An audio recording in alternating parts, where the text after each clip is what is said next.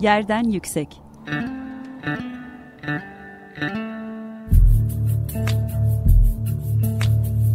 Kentin kent aşırı gündemi.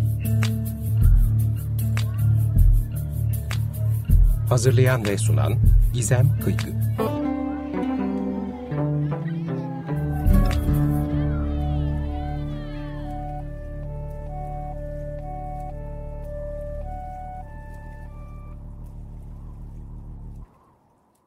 Herkese merhaba. 95 Açık Radyo burası. Yerden Yüksek programını dinliyorsunuz. Ben Gizem Kıygı. Kent aşırı sohbetler gerçekleştirdiğimiz Yerden Yüksek'te kentlerde yaşanan eşitsizlikleri, toplumsal adaletin mekansal tezahürlerini, dönüşen kentte değişen kentsel alışkanlıklarımızı ve çok daha fazlasını konuşmaya çalışıyoruz. E, bugünkü programımızda depremden sonra İzmir'i değerlendireceğiz. Depremden sonra İzmir'in kent gündeminde neler yaşanıyor, neler öne çıkıyor biraz bunlardan bahsedeceğiz. Konuğum da Şehir Plancılar Odası İzmir Şube Yönetim Kurulu üyelerinden Zafer Mutlar. İlk önce e, programımıza katılmayı kabul ettiğin için ve geldiğin için çok teşekkürler. Hoş geldin Zafer. Hoş bulduk Gizem. Ben teşekkür ederim. İyi, iyi yayınlar. Ee, teşekkürler. Ee, bir afet yaşandı İzmir'de ve aslında böyle bir e, hem İzmir'in kent gündeminin içerisinde böyle bir bıçak gibi dalan bir e, olay bu. E, bir afet durumu e, ve o noktadan sonra aslında biz bir e, programda yapmıştık Şehir Plancıları e, Odası İzmir Şube'den Yusuf arkadaşımızla birlikte bir program gerçekleştirmiştik depremin hemen ardından değerlendirme yaptığımız. Bu da böyle biraz onun devamı gibi fikri takip programı gibi olacak biraz daha. Hem böyle gündem birazcık soğumuş gibi görünüyor tabii ki Türkiye genelinden baktığımızda ama İzmir'de çok sıcak olan konular var. Biraz böyle neler yaşıyorsunuz, neler e, oluyor yani afet sonrası e, neler yapılıyor, neler öne çıkıyor e, kent gündeminin başlıklarında şöyle bize bir özet geçebilir misin? Yani aslında başlık başlık sıralamak gerekirse e, hem bakanlığın hem de e, yerel idarelerin yaptığı bir takım işler var e, yani sıralamak gerekirse açıkçası e, bakanlık ne yapıyor? Çevre Şehircilik Bakanlığı bir e, rezerv alan ilan etti Bayraklı ilçe sınırları içerisinde. E, bu önemli bir başlık. E, ikincisi yine Bayraklı'da yıkım yaşanan e, Manavkuyu e, bölgesinde e, 7 farklı proje alanı, e, yıkım yaşanan binalarda 7 farklı proje alanı e, belirlendi. E, orada hani bina yani plan e, planda bir şeylik e, revizyon yapmadan e, binaların yıkılıp yeniden yapılacağı şekilde bir e, proje yapıyorlar. Ya yani bu projeye ilişkin çok hani kamuoyuna yansıttıkları bir açıklama falan yok. E, ama hani e, aldığımız duyumlarla projenin içeriğine dair e, birkaç fikrimiz var. E, onun dışında e, Karşıyaka Belediyesi'nin bir girişimi oldu. E, kat sıkıştırma diye adlandırılan e, geçmişte tanınmış olan e, bir hakkı yeniden e, tesis etme yönünde bir plan notu değişikliği onaylandı.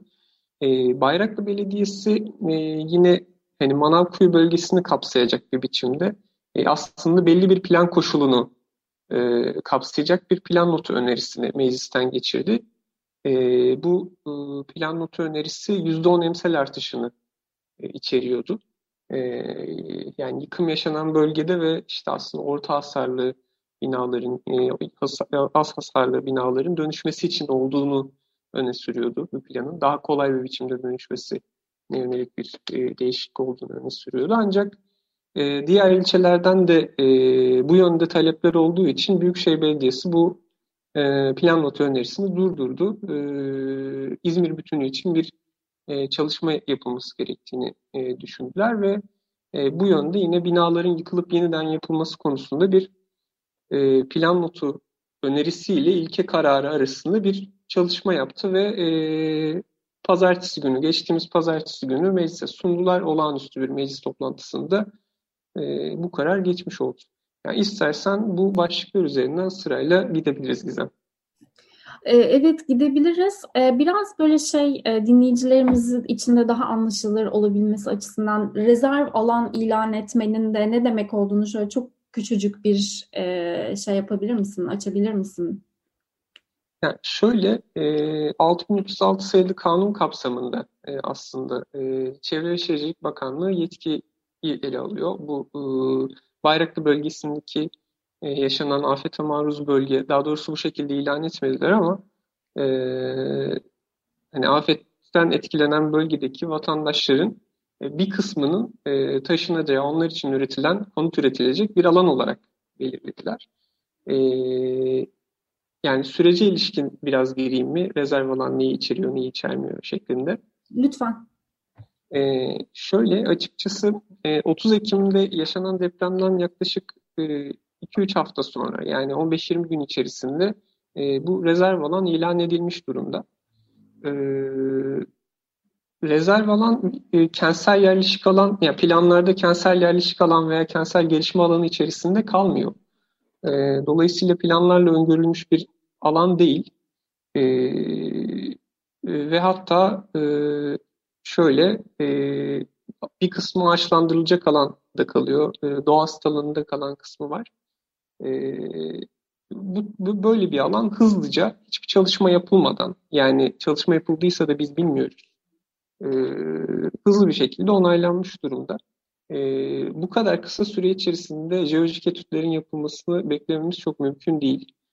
E, öte yandan e, kentsel yerleşik alanda veya gelişme alanları içerisinde rezerv alan niteliğinde bir alan var mıydı kamu mülkiyetinde? Bu araştırılmış değil.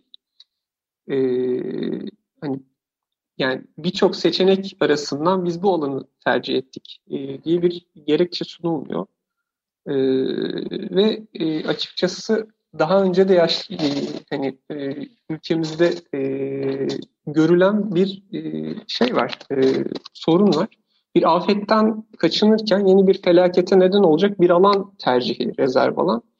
E, çünkü e, bu ağaçlandırılacak alan e, ilanı aslında İzmir'in 95 yılında yaşadığı bir sel felaketi sonrasında ağaçlandıracak alan olarak belirleniyor.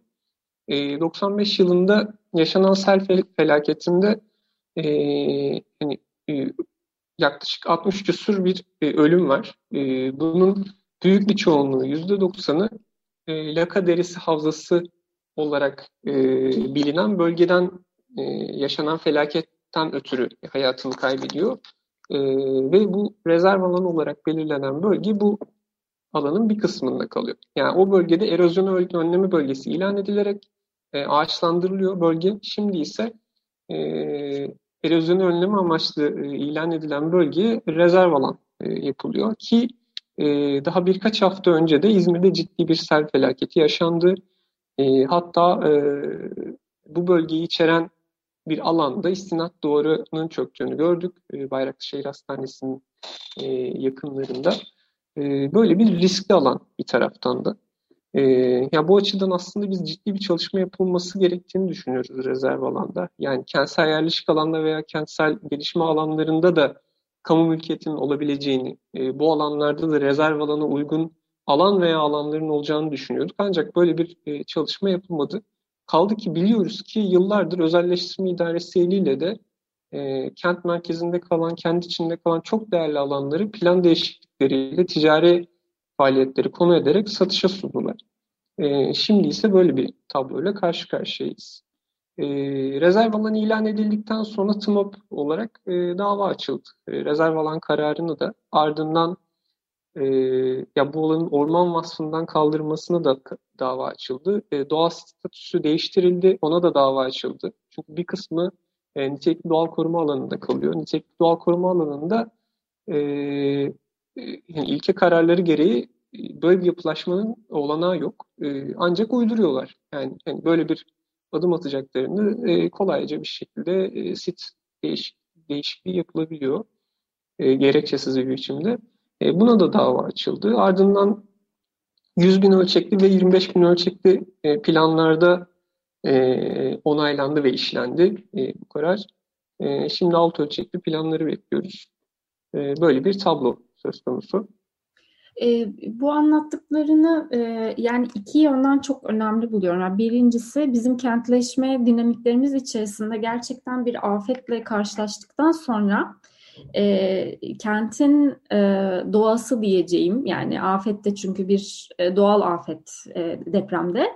E, yani doğasına ilişkin bir yerleşim planı e, oluşturmama ısrarında e, böyle bir devamlılık e, söz konusu hakim. Bir bir yanda bu var anlattıklarından yani bir bir afet sonrasında yapılacak çalışmalar kapsamında belirlenen bir alanın e, yeniden işte sel gibi, heyelan gibi e, durumlara açık bir alan olarak e, görünüyor olması, bunun hiç dikkate alınmıyor olması, kentin e, şeyiyle de yani kentin doğayla olan ilişkisine de bir yapılaşmayı açarak aslında bunun kendisi de bir e, felaket. Bir yanda bu var. Bir yanda da gerçekten e, Türkiye'de deprem e, oluyor bir yerde. E, deprem sonrasındaki arama kurtarma çalışmalarına kadar e, bir kamuoyu ilgisi çok oluyor. Yani sanki deprem sonrası onarım süreçleri aslında o noktada bitiyormuş gibi de bir algı var. Ama aslında a, tam olarak oradan başlıyor yani o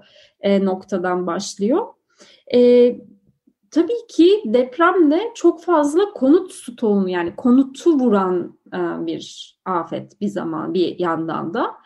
E, ve e, biraz da konut üretimini değerlendirmeni isteyeceğim. Yani e, biz kamuoyundan e, depremzedelere geçici konutlar hemen mesela Büyükşehir Belediyesi'nin e, tanımlayabildiğini, yerleştirebildiğini gördük e, ve bu da e, hani e, bir acil refleks olarak e, iyi bir gelişme olarak değerlendirildi. Çünkü depremzedelerin de e, barınma koşulları ile ilgili e, çok e, hak ihlalleri yaşanıyor deprem sonrasında, afet sonrasında özellikle.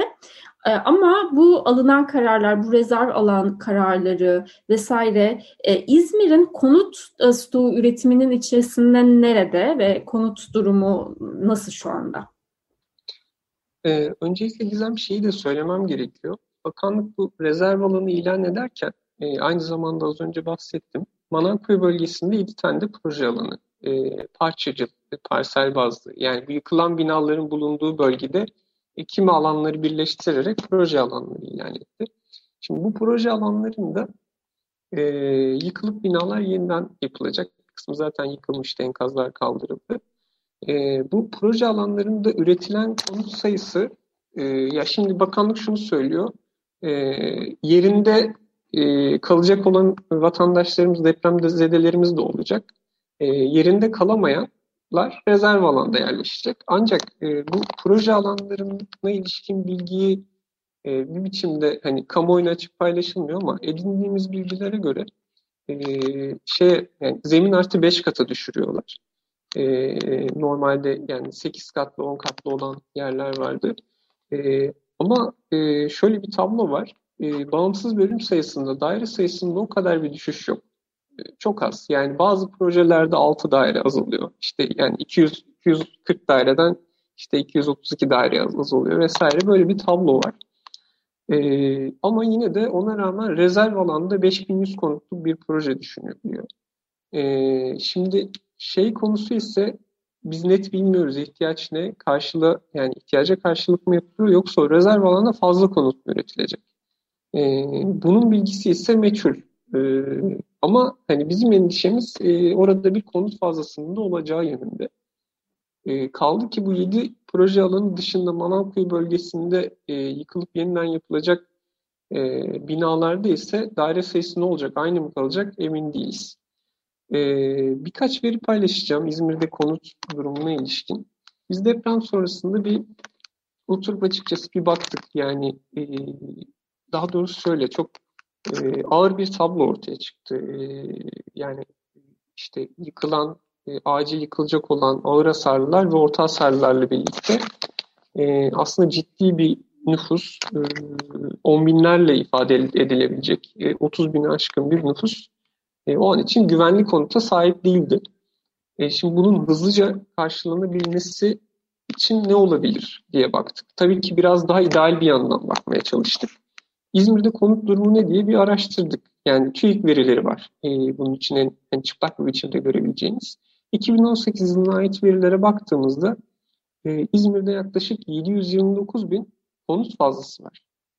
E, böyle bir fazlalık ortaya çıktı. E, ve bu konut fazlalığından e, yazdıkları çıkardık biz. Yani e, normal e, insanların barınma amaçlı kullanılabilecek nitelikte konut e, fazlası 729 bin e, olduğunu gördük. E, bu ne anlama geliyor? Yaklaşık 2.2 milyon insanın barınabileceği bir e, konut stoğu demek. E, ve hal böyleyken 30 bin insan e, dışarıda kalmıştı. Yani e, deprem sonrasında birçok şey başarı olarak duyuruluyor ama bu tablonun e, varlığı bile açıkçası bir utanç. E, yani işte bir ay içerisinde herkesi yerleştirdik vesaire deniyor. Tamam. E, bir kısmı geçici bir şekilde çözüldü. E, ama İzmir'deki tablo böyle bir e, durumun yaşanmasının bile tuhaflığını ortaya seriyor e, açıkçası.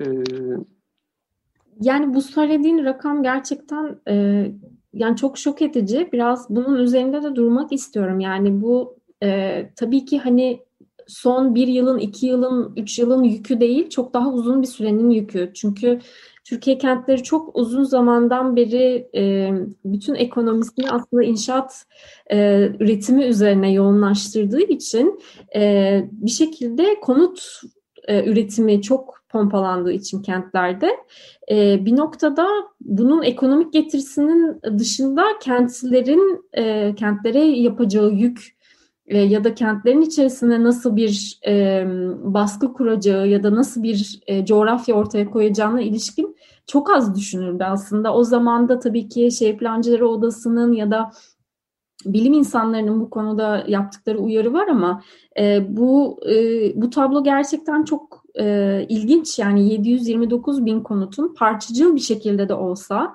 e, kentin içerisinde boşluk yani adeta İzmir'in içerisinde kendi içinde yani bir e, yapı e, stoğu böyle belirli bir yerde e, duran bir e, şehir olarak değil ama İzmir'in kendi içine dağılmış bir hayalet şehir e, aslında 2.2 milyon insanın e, barınacağı bir hayalet şehir var. E, yani kim bilir aslında e, bu böyle bir analiz çalışması büyük kentlerde yapılıyor olsa e, muhtemelen e, buna yakın veya çok daha yüksek rakamlara başka bir büyük şehirlerde de e, karşılaşacağız. Bu gerçekten çok önemli. Bir de e, şunu ben e, bu yaptığınız çalışmayla birlikte şunu çok vurgulamak istiyorum. Gerçekten Türkiye'de mekansal kararların e, veri bazlı e, alınmaması yani bir e, Türkiye'nin bir veri politikasıyla sınavı var. Bunu Covid sürecinde de çok yaşadık. Yani en aslında hani görünür e, kılan da o oldu.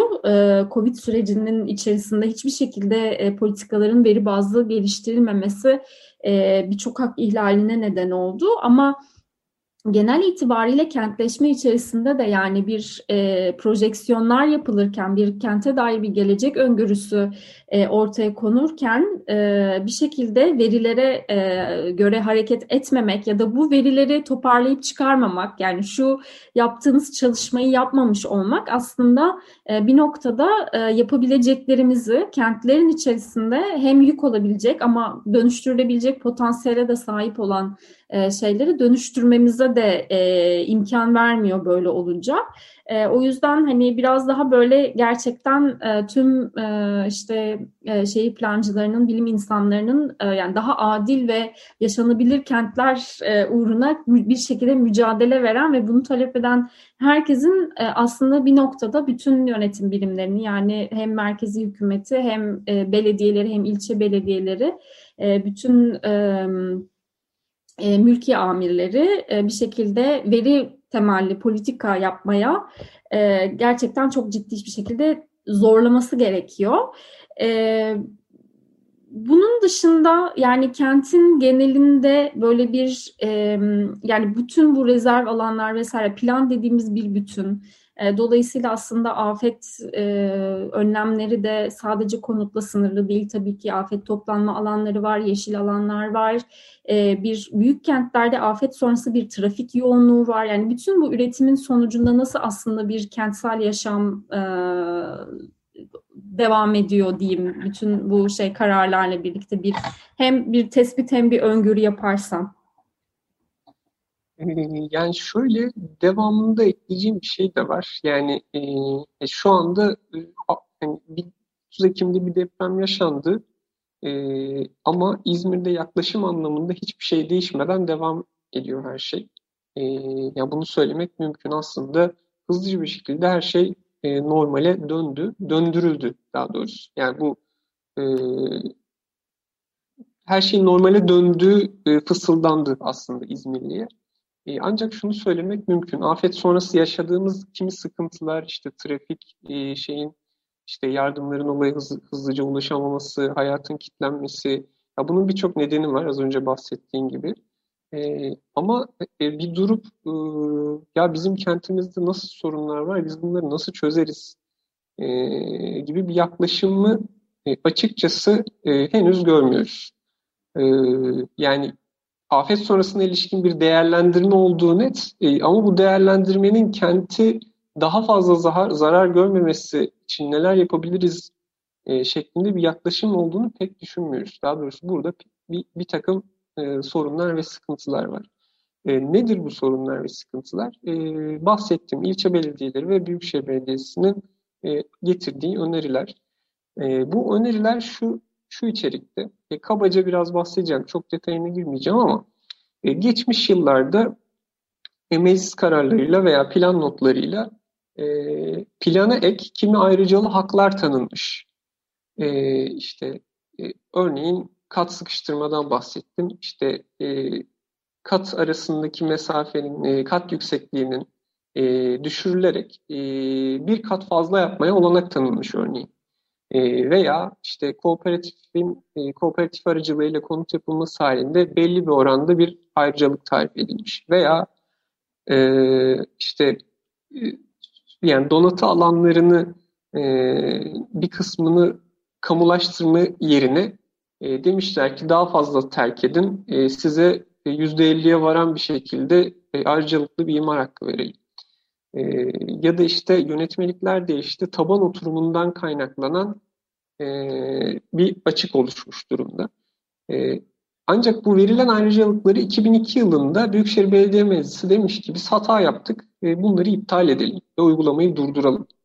E, şimdi e, o dönemde verilmiş iptal kararı ve hani e, bu e, ayrıcalıkların gayrimeşru olduğunun ilanı aynı zamanda. E, şimdi bugün binaların parsel bazında yıkılıp yeniden yapılabilmesi adına e, tabii ki bunu şöyle açıklıyorlar. E, kentin bütününde değil, örneğin dokunun sıkışık olduğu veya işte e, planın donatılarının çok yeterli olmadığı bölgelerde bunu uygulamayalım. Ancak planın görece planlı gelişmiş alanlarda e, tarif edelim, bunları belirleyelim. E, binalar yıkılsın, yerine yenisi yapılsın. Böylece e, ruhsattaki hak kayıpları engellensin. E, hızlıca binalar yenilenmeye çalışılsın. E, böyle bir tablo var. O ayrıcalıkları e, yeniden tanıyorlar. Yani ruhsat mevcut ruhsatlarındaki inşaat alanı neyse bugün e, doğrudan onu kullanarak e, mevzuatı da aşarak e, bir şey e, yenilenme sürecinin geçirilmesi gerektiğini düşünüyorum. Hele. Şimdi bu az önce bahsettiğimiz fazlalığın bir nedeni de bu. Bu ayrıcalıklar. Ee, işte plan değişiklikleri çeşitli kurumlar tarafından yapılan e, yoğunluk arttırıcı plan değişiklikleri bir nedeni. Revizyonlarla arttırılan yoğunluk artışları bir nedeni. Bir nedeni de 6306 sayılı e, kanun kapsamında riskli yapı ilan edilip parsel bazında dönüşen e, yapılar. E, bu yapılarda biz biliyoruz ki müteahhit karı olması adına e, daire sayısı daire sayısında ciddi bir artış oluyor. E, yani vatandaşlar para ödemek yerine binanın yenilenmesi için e, 3-5 daireyi, 10 daireyi, 15 daireyi apartmanın büyüklüğüne göre müteahhite bırakarak kendi dairelerinin küçülmesiyle e, parsel bazında bir yoğunluk artışı geç, ortaya çıkıyor. Çünkü bizim planlarımız e, bağımsız bölüm sınırlandırması getirmiyor. E, bu, bu yönde tasarruflar yok.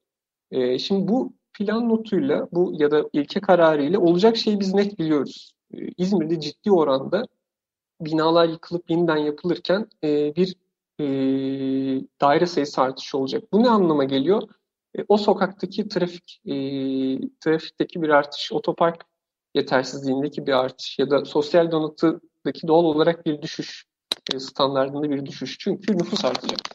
E, zaten sorunlu bir kentte yaşıyoruz. E, bir ek sorun daha e, getireceğiz ve e, işin kötü tarafı kenti biz güzelleştirelim diye bir kamucu bir irade ortaya çıktığında da önünde ciddi bir maliyet çıkacak. Çünkü e, bu bir binayı yaptığınızda o 50 yıl dokunamazsınız ona ekonomik ömrü açısından. Ya yani bu adımın ekonomik olması açısından böyle bir sorun anlamına geliyor. Kentin 50 yılını bağlayacak bir karar bu. E, ve şeyi de biliyoruz. E, örneğin 9 Eylül'den e, iki hocamızın yaptığı bir çalışma var, bir makale var. Karşıyaka'da e, Bostanlı Mahallesi örneğinde bu 6336 sayılı kanun kapsamında parsel bazlı e, yenilemeleri incelemişler. Bir sokak yani sağlı sollu onar tane apartman olan bir yerde yani toplam 20 apartmanın 15'i dönüşmüş yaklaşık %45 daire artışı var. Düşünebiliyor musunuz? Yani yaklaşık 100 metrelik bir sokakta %45 konut artışı var. Bunu İzmir'in bütününe vurun bu plan notuyla. E, felaketle karşı karşıya olacağız. Ve şey e, son olarak şeyi de söyleyeyim. Yani 2 e, milyon 2.2 milyon nüfusu barındıracak konut fazlası var dedim İzmir'de. İzmir'in 25 bin ölçekte planlarının bütünün nüfus öngörüsü yaklaşık 6.6 milyon. Yani bugün İzmir 2030 yılındaki hedefi için bütün konut şeyini nüfusuna yetecek kadar konut stoğunu barındırıyor ve hala yapılaşmamış gelişme alanları var. E, hala işte revizyon planlarla yoğunluk artışı yapılmış bölgeler var ki oralar yenilenmemiş. E, ve hani nereye gideceğini kentin bilmiyoruz. Ya bir plan bu kadar öngörüsüz olamaz. Ya bu bir planlama yaklaşımı değil. E, demiş olayım. Çok teşekkürler. Çok e, önemli bilgiler verdin e, Zafer. Katıldığın için, bu bilgileri bizimle paylaştığın için ve gerçekten e, bir kent planının e, konut üretiminden çok daha öte bir şey olduğunu e, aslında e, hatırlatarak e, ve veri, bazlı e, politikalara yönelmenin önemini e, bir kere daha altını çizerek programımızı kapatabiliriz. E, Yerden Yüksek programını dinlediniz sevgili Açık Radyo dinleyenleri. 15 gün sonra farklı bir konuyla yeniden buluşmak üzere. Hoşçakalın. Yerden Yüksek